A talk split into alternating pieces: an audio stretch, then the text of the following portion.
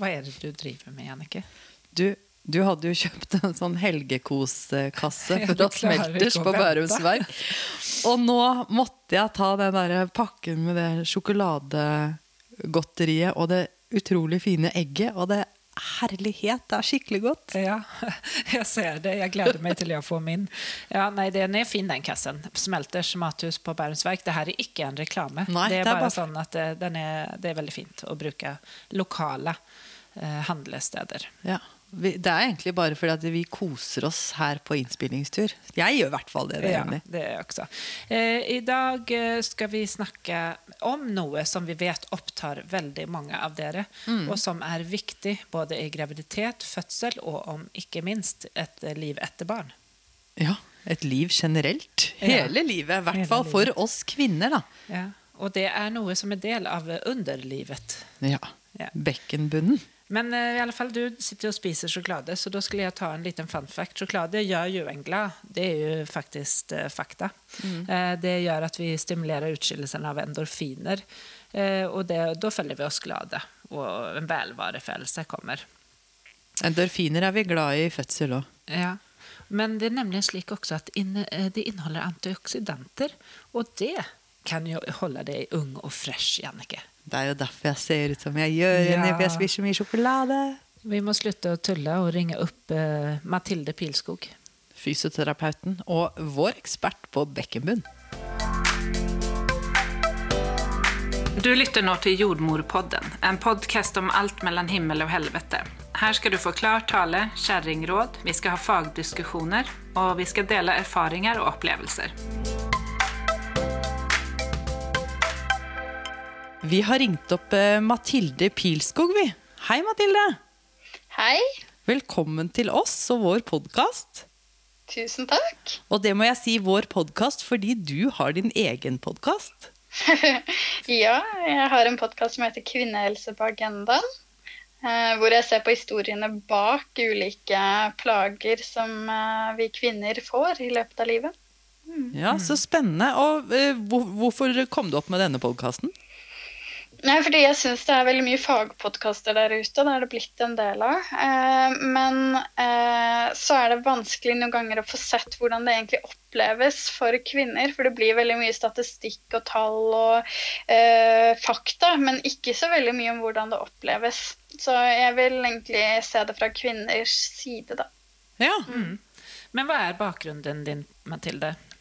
Jeg er fysioterapeut, eh, så jeg jobber for det meste med kvinnehelse. Jeg møter mange av de kvinnene dere møter i svangerskap og etter fødsel. eh, eh, Men også generelt i livet, i løpet av livsløpet. Fordi det er mye plager som er kvinnerelaterte både når man er 17 og når man er 90. Så det er stort spenn sånn sett.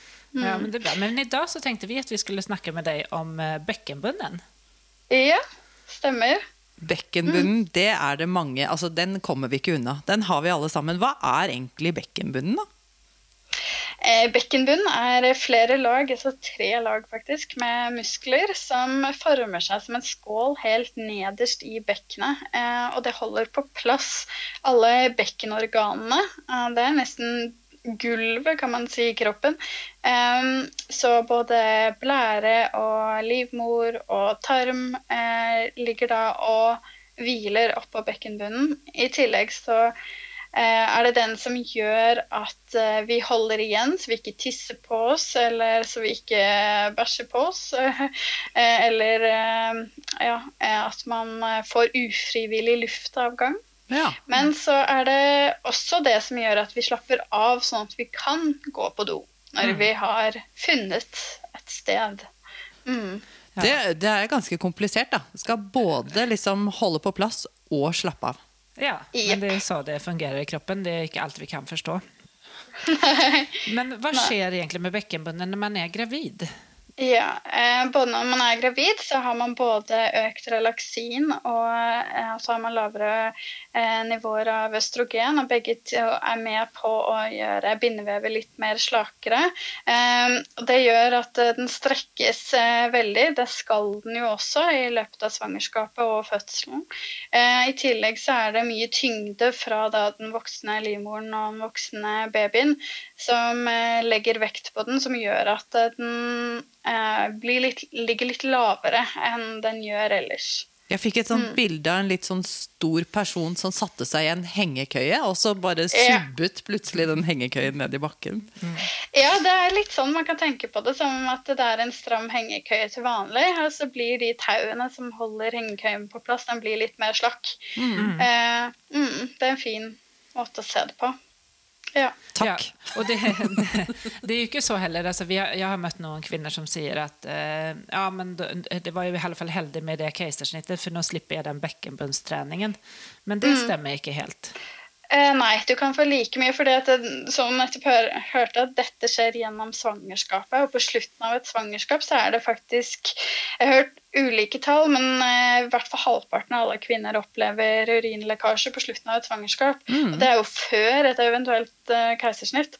Eh, så dette er noe som gjelder alle kvinner, og ikke kun de som har tatt eh, Eller har født vaginalt. Nei, og vi sier jo ofte det sånn med takk på vannavgang, Jenny, at det er ikke alltid lett å vite om vannet har gått eller ikke. Og det er jo en av grunnene til det er jo det at man ofte er litt eh, inkontinent rett før fødsel. Mm.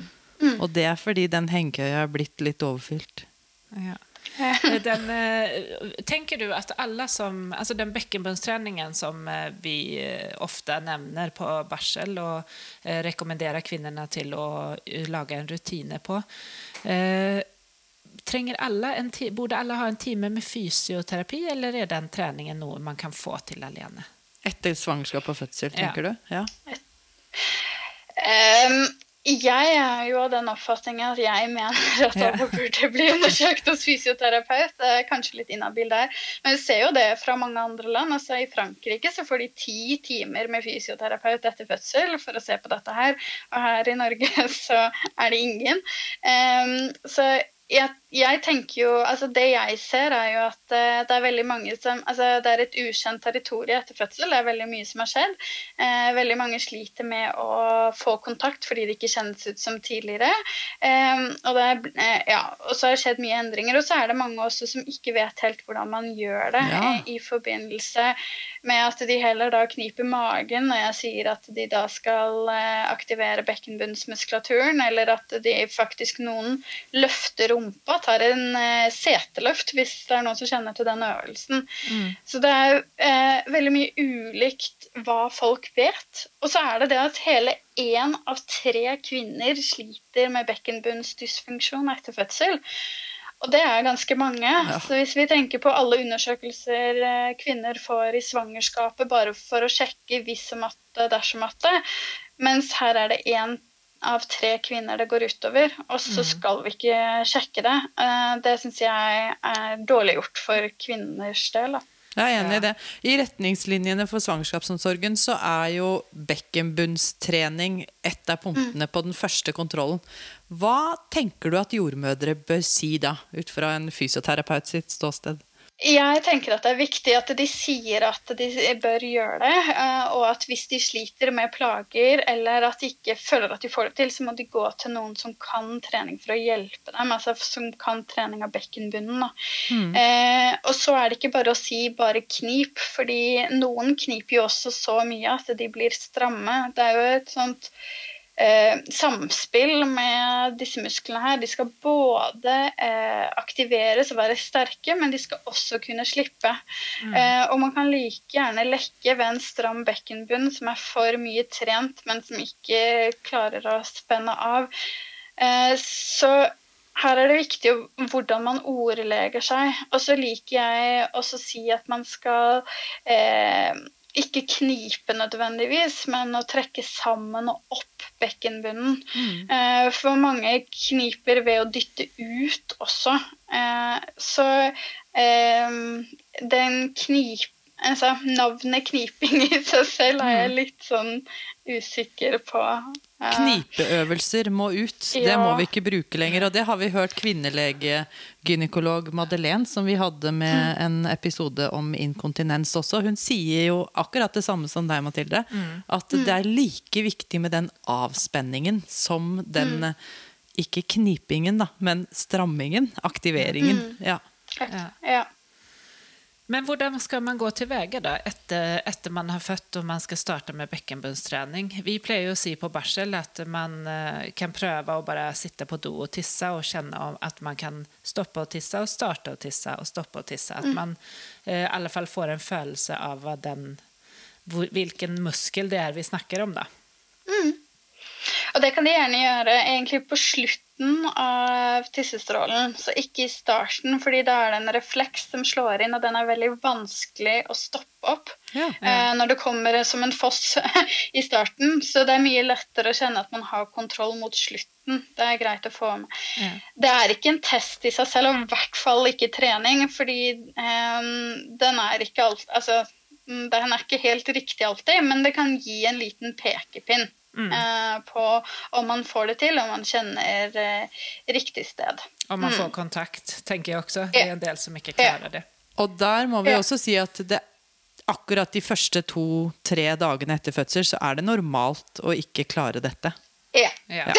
så, så jeg tenker det er ikke noe krise før det er gått seks uker uansett. Så tenker jeg at uh, det er mye som skal tilbake på plass. Man må tenke på at den bekkenbunnen strekker seg vel 340 i løpet av en eh, vaginal fødsel. Uh, og alt dette skal tilbake på plass. Eh, det tar lang tid. Det meste går tilbake ganske fort. I løpet av de første dagene og ukene.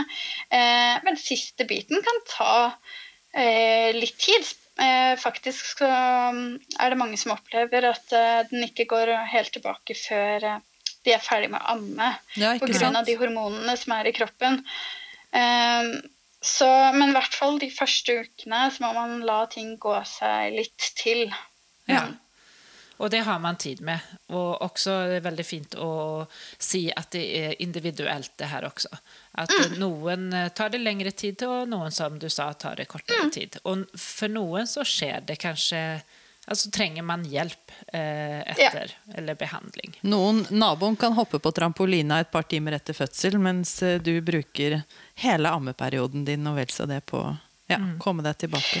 Men jeg er litt opptatt av at vi ikke nødvendigvis da skal vente, fordi vi vet at det kan ta litt tid. Eh, og det er ikke noe grunn til å slutte å amme bare fordi Nei, at eh, det kan påvirke. Eh, men jeg, vi ser jo det at eh, er man ikke aktiv, så er det høyere risiko for fødselsdepresjon bl.a. Og at de kvinnene som sliter med urinlekkasjer etter fødsel, da holder seg mer i ro og har høyere risiko for da fødselsdepresjon. Eh, og dermed så vil jeg si at eh, jeg syns ikke man skal måtte vente et år på eh, at det kan gå tilbake av seg selv, hvis det er noe man kan gjøre. For 70% blir bedre av bekkenbunnstrening eh, hvis de får hjelp. Og det tenker jeg at eh, eh, er viktig, sånn at ikke man går og venter på at det skal skje. Ja, absolutt. ja. Nei, Men hvordan skal man få hjelp, da? Hva skal man gjøre? Eh, noen er så heldige at de har en jordmor eller en gynekolog eller en lege som tar eh, og tester bekkenbunnen på seksukerskontrollen. Eh, og hvis det ikke skjer med deg, så tenker jeg at det er lurt å gå til noen som jobber med dette her. Som en eh, fysioterapeut som er spesialisert innenfor eh, bekkenbunnen, eh, og få en vaginal undersøkelse. Eh, det er også selv om man kan kjenne at man har kontakt, det jeg ofte opplever, er faktisk det at eh, de kan ha kontakt når jeg spør om de kan aktivere, men så ber jeg de om å eh, Eller så tester jeg styrken. Hvordan Og gjør du det? Og så begynner de å bruke magen. Altså, eh, ja. Jeg eh, har en finger i kjeden. Og så ber jeg dem om å trekke sammen og opp, akkurat som vi nettopp har snakket om. Mm. Eh, og først så er det bare kontakten, bare for å se at de har kontakt. Men så vil jeg kjøre på og si at nå skal du stramme alt du klarer, og holde i eh, så mange sekunder som du også klarer. Og da er det veldig mange som går over til å eh, begynne å aktivere mage, rumpe. Mm. Eh, så de har ikke den styrken mer. Og det er det også veldig mange som sier at Eh, når de f.eks. må tisse, eh, at de kjenner at nå må de rekke, så strammer de alltid hard i kroppen, men så tisser de likevel, på en måte. Så det renner likevel. Mm. Eh, så det er også de der nyansene. Vi tester ikke bare om de kan aktivere, men vi tenker hold, slipp, reaksjonsevne. Eh, så det er flere tester som inngår, da, og ikke bare kan du knipe. Mm. Mm.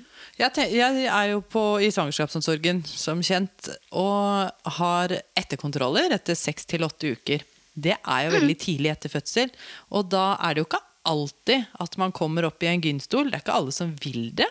Um, mm. Men hvis de skal ta en celleprøve eller få prevensjon, en spiral f.eks., vil se mm. på sting, hvordan de er tilhelet, så gjør man jo akkurat den uh, undersøkelsen som du sa. Men mm. Eh, da er det jo fortsatt veldig tidlig. sånn at uh, hvis man da kjenner at her er det ikke kjempebra styrke, um, hvor lenge kan de vente før vi sjekker det igjen? Hvor skal de gå for å sjekke det igjen? Altså De fleste som kommer til meg, uh, de kommer rundt tre måneder etter fødsel. Mm, mm. Og det syns jeg egentlig er en god tid. Det er da de begynner å bli litt mer aktive, og de fleste ønsker å gå tilbake til noe trening. Eh, så eh, da kjenner man mye mer. Men jeg er helt enig i at eh, ved seks uker så er det mange som ikke har helt den der kontakten lenger. Og så kommer de noen uker etterpå og har gjort de øvelsene de skal. Så har de kanskje gått fra én, som jeg tar på sånn styrkeskala, til fem på noen uker. Og da kan det jo hende de hadde blitt sterke automatisk også i den perioden. Så det er vanskelig å si. Men eh, da er det, måte, da er det i hvert fall klarsignal om at nå er det helt greit å sette i gang med den treningen eh, de ønsker. De aller fleste bruker kanskje litt lengre tid enn akkurat det, men det jeg pleier også Jeg pleier å ha de fleste rundt tolv ja, uker ca. Mm. Og så eh, setter i gang med intensiv bekkenbunnstrening. Og da eh, er det mange som blir sterke ganske fort, sånn at eh, det ikke vil være noe problem å kunne begynne å løpe eh, eller gjøre den aktiviteten de ønsker. Egentlig så burde det offentlige hatt da en etterkontroll til, da. Etter ja, 12-15 uker, nesten. Ja, dette er jo ikke noe jeg har, har noe sånn ordentlig forskningsgrunnlag på å kunne si. Men eh, jeg tenker jo det at uh, det kunne vært aktuelt, ja. Mm. Det hadde jo vært kjempehyggelig for meg ute i kommunen å få hilse på de enda en gang. Det tenker jo jeg, da. Ja, det er en koselig tid. Det er koselig å få hilse på babyene på den tiden òg. De er veldig mye, så Ja, og så er det jo veldig spennende å se hvordan når man har fulgt noen et helt svangerskap, og så har jo mm. alle vært spent på hvordan dette skal bli, og så får man Ofte så går vi jo litt glipp av resultatet, vi ja. jordmødre, da. Men da er det jo hyggelig å få se det. Ja, jeg fikk aldri se jordmoren min en gang etter fødsel. Syns det egentlig var litt trist, det. Sånn, ja. Uh, ja. ja. Du får bare på den igjen. ja. Men hva, hvordan, om vi skal forsøke å forklare litt, hvordan går den bekkenbunnstreningen til? Man skal starte ja. liggende, er det letteste, va? Spør jeg med store spørsmålstegn. hvordan, skal man gjøre, ja, hvordan skal man være når man trener? Eh, vet du, det vil jeg si faktisk er ganske ulikt. fordi det er mange som ikke får helt kontakt med bekkenbunnen i liggende, mens noen liker best å gjøre det sittende eller stående eller i huk sittende eller liggende på eh, bakken med et kne trukket opp f.eks. Så her er det mange ulike utgangspunkter som også går an å prøves hvis man ikke kjenner at man får tak da, i ryggliggende. Mm. Eh, så eh, det går an å teste ut eh, for å se hvilken eh, posisjon man har best kontakt. Eh, og heller trene i den posisjonen. Det vil jeg si. Ja. Eh, og, eh, men ellers så er ryggliggende med bøyde knær, det er jo standard. Så det går an å prøve den først, da, kanskje. Eh, og så eh, skal du kjenne at du slapper av i kroppen før du begynner. Eh, at du ikke strammer noe muskulatur. Eh, og så skal man begynne da med å aktivere bekkenbunnen, så man trekker sammen opp i kjeden. Men man kan også tenke på at man skal få med seg urinrør og endetarmsåpning. For den muskulaturen går jo da rundt alle disse åpningene i et åttetall. Eh, og eh, vi har jo snakket litt om urin, men det går også an at noen lekker jo luft. Og det ser vi også når vi aktiverer, at det er noen som er sterkere foran enn bak, og omvendt. Eh, så det er lurt å få med seg alle åpningene. Eh, og så er det fokus da på å trekke sammen og opp. Jeg vil tenke at man starter helt eh, med tre til fem sekunder egentlig aktivering, for så å slippe opp. Og da skal man slippe opp skikkelig, så da kan man gjerne ta noen pust hvor man kjenner at man slapper skikkelig av i bekkenbunnsmuskulaturen. Eh, jeg vil si i hvert fall ti sekunder, bare sånn at det ikke blir en sånn egentlig litt sånn konstant aktivering, eh, men at man får ordentlig slappet av imellom. Og det handler om at bekkenbunnen ikke skal bli stram. Mm. Eh, det, dette gjelder også for gravide. Eh, så er det noen som syns det er greit å gjøre det i takt med pusten. Eh, noen er vant med det fra f.eks. yoga, og noen liker eller andre treningsformer, og noen liker å bruke det. Og da er det, er det fint eh, for de som har født, å da aktivere på utpust. Mm. Vet du, Det er jeg, det som jeg, ja. Ja, du sitter og blir litt Jeg rød i ansiktet, Jannicke. Jeg sitter og skriver så det synger etter her, at dette er den eh, beste bekkenbunnstreningsopplæringen jeg noen gang har fått. Jeg tycker at du ser ut som du sitter og kniper litt, men jeg vet ikke. Nei, jeg skriver, for dette vil jeg lære videre. For dette, det er så mange ganger vi har sagt ikke sant? Nå har jeg lært at jeg skal ikke si knipeøvelse mer, men jeg sier ofte bekkenbunnstrening, og så sier de ja, hvor finner jeg de øvelsene? Mm. Ja, og hvordan er de? Altså, jeg skal jo kunne dette her, men dette var sånn fin og konkret ja. forklaring. Dette kan jeg, for- kunne jeg forholdt meg til som uh, nyforløst uh, mamma. Eller altså, ikke nyforløst, da, det har jeg også lært. Litt lengre tid. Ja. Ja. Ja. Nei, men det er fint. Det er godt å høre. Ja. Og så skal man Ja. fortsette og repetasjoner. Er det sånn uh, to-tre ganger om dagen, eller er det én gang, eh, en gang i uken? Ja, det vi ser har best effekt, og det er det som er vanskelig, spesielt som nybakt mor, hvor man kanskje har veldig mye annet å gjøre. Eh, det er jo at man bør gjøre det tre ganger om dagen, eh, og da tre ganger ti. Eh, men jeg er jo likevel opptatt av alt.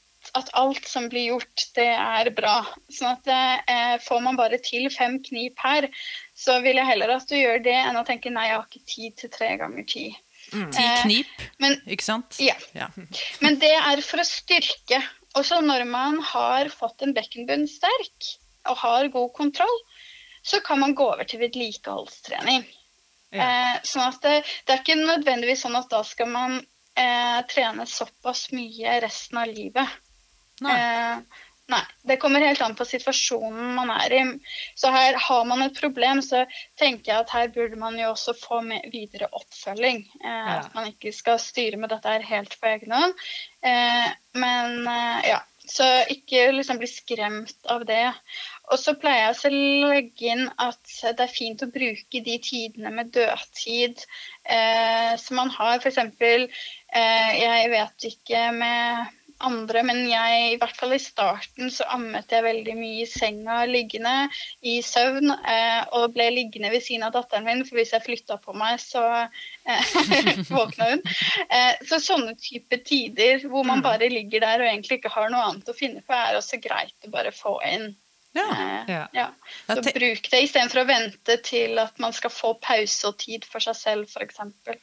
Nei, Gud, så jeg. sterk jeg skulle vært i bekkenbunn hvis jeg hadde tenkt, brukt eh, alle de leggetimene Ja. til barna på å trene, gjøre bekkenbunnstrening. Da hadde jeg trengt veldig mye avslapningstrening også, tror jeg. Men det Ja, og man fint kan at trene sier avspenning samtidig, vet Ja, du. ja, exakt. Men det er fint at du sier det, Mathilde. Jeg tenker også at man prøver å gjøre, lage det til en rutine. Til eksempel altså, ammestundene som eh, mannen da sitter, ligger eller Noe sånt. Ja. Ja. Og så etter hvert så er det jo fint sånn i forbindelse med at man gjør annen trening, fordi man trenger jo ikke gjøre dette som en egen treningsøkt. Så eh, man kan også gjøre det at man eh, tar en runde med bekkenbunnsøvelser, og så tar man Eller ett sett, da. Ja. Og så tar man f.eks. ti knebøy. Ja. Og så tar man ett et sett med bekkenbunnsøvelser igjen, sånn at man bruker pausene man kanskje hadde hatt eh, med tanke på annen trening, da, til å gjøre bekkenbunnstrening. Og det er sånn som jeg tenker alle kvinner burde egentlig få til. Da holder det jo kanskje med sånn vedlikeholdstrening at man gjør det den timen man er på treningsstudio eller man trener på stuegulvet, at man legger det litt inn, da. En slags tabata. Det skal jeg, jeg, jeg skal passe på. Vi har en sånn nabogruppe. Vi skal, jeg skal, skal passe på at vi legger inn en sånn bekkenbunnstrenings... Ja, det tycker jag verkligen. ja, det er bra. Eh, Ja. Vad tänker du om? Det finns ju väldigt många olika typer av hjälpmedel för det här. Ja. Har du noe, liksom, är det noe som du kan rekommendere? Eller er det bare Ja. dårlig spended money? Det er både og. Jeg tror at for noen så er det dårlig spenning. money, holdt Jeg på å si. Jeg ville brukt de pengene på å fått eh, ordentlig hjelp Ja. eh, i starten istedenfor. Uh, vi har jo også Kvintet eh, leverer hjelpemidler som vi bruker, eh, som er på eh, sånn rekvisisjon fra Nav, så vi kan få det som hjelpemidler. Så har man problemer eh, med å få kontakt, eller at man lekker urin eller avfall eller noe sånt, så eh, bruker vi de da til eh, kvinnen. Og da er det ikke noe de trenger å betale. Så før man da investerer i noe utstyr til 2000 kroner, så vit at du også kan få det gratis. Eh, Og da får du begge deler, ikke sant? Ja. Hjelp, Ja. ja, god hjelp og utstyr. Ja. Så eh, jeg ville tenkt den veien først om man har et problem. Så er det noen som bare syns det er kjedelig og ikke blir motivert, og syns at det å ha et sånt type utstyr kan motivere til trening. Og da selvfølgelig så vil jeg si at da kan det være en god investering å kjøpe noe sånt utstyr. Ja. Eh, men jeg vil også si at det er ikke noe test i seg selv, fordi det er mange som har sagt at de gjør det for å se at de gjør det riktig. Ja. Men eh, mange av de, eh, man, mye av det utstyret kan aktiveres ved at man kniper i lår eller mage. Mm. Eh, og dermed så vil man ikke få eh, eh, nødvendigvis Altså man kan tro man gjør det riktig. Altså egentlig så ligger man og kniper eh, rumpa, liksom.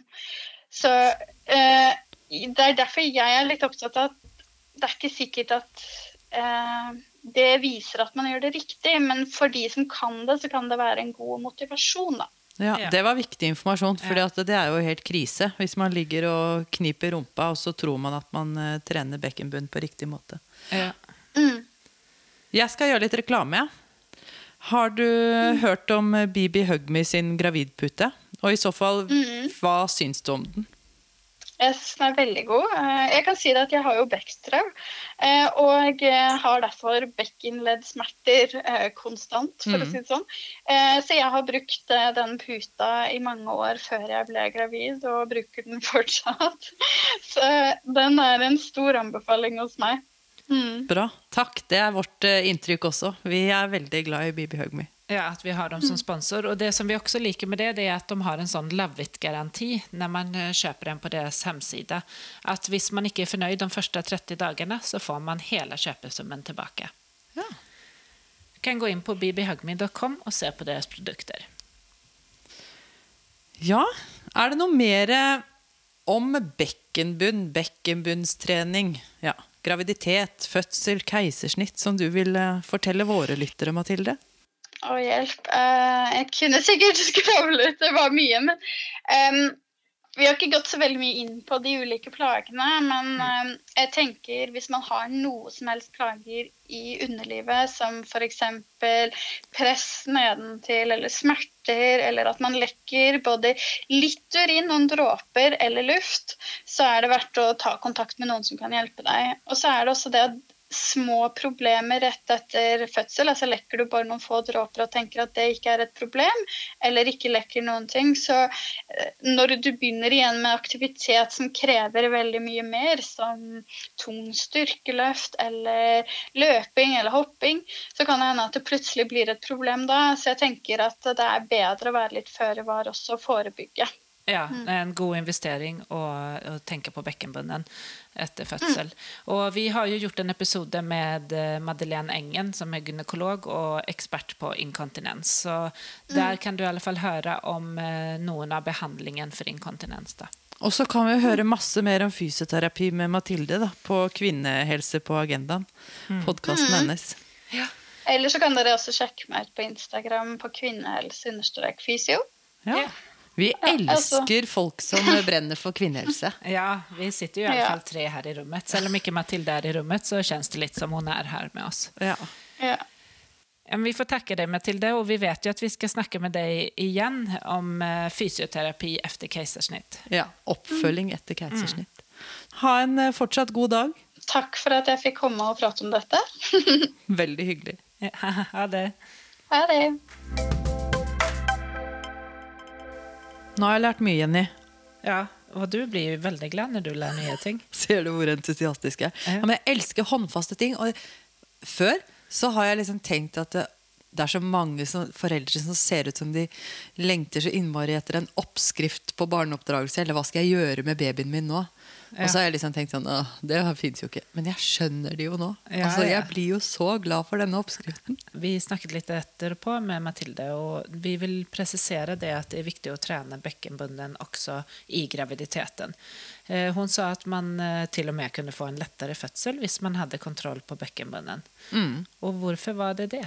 Jo, fordi at da klarer du, hvis du har bedre kontakt og styrke i bekkenbunnen, hvis du da har bedre kontroll, da, så kan du lettere også slappe av. Og det skal man jo gjøre når man føder. Da skal det jo dilatere der nede. Det skal åpne seg. Man må slappe av for at ja, riene skal kunne gjøre sin jobb for å åpne opp så babyen kan komme ut. Da.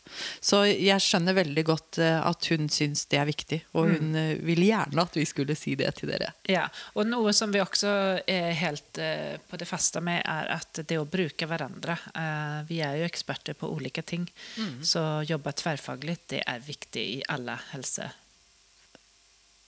helsesammenhenger, er det Ja. det du skulle si? Og, og det er så gøy! Vi lærer så mye gøy av hverandre, og det blir mye morsommere i møte med dere kvinner òg, når vi kan enda flere aspekter av det som eh, angår oss. Da. Ja. Ja, men eh, lykke til med bekkenbunnstrening og graviditet. Ha en fin uke.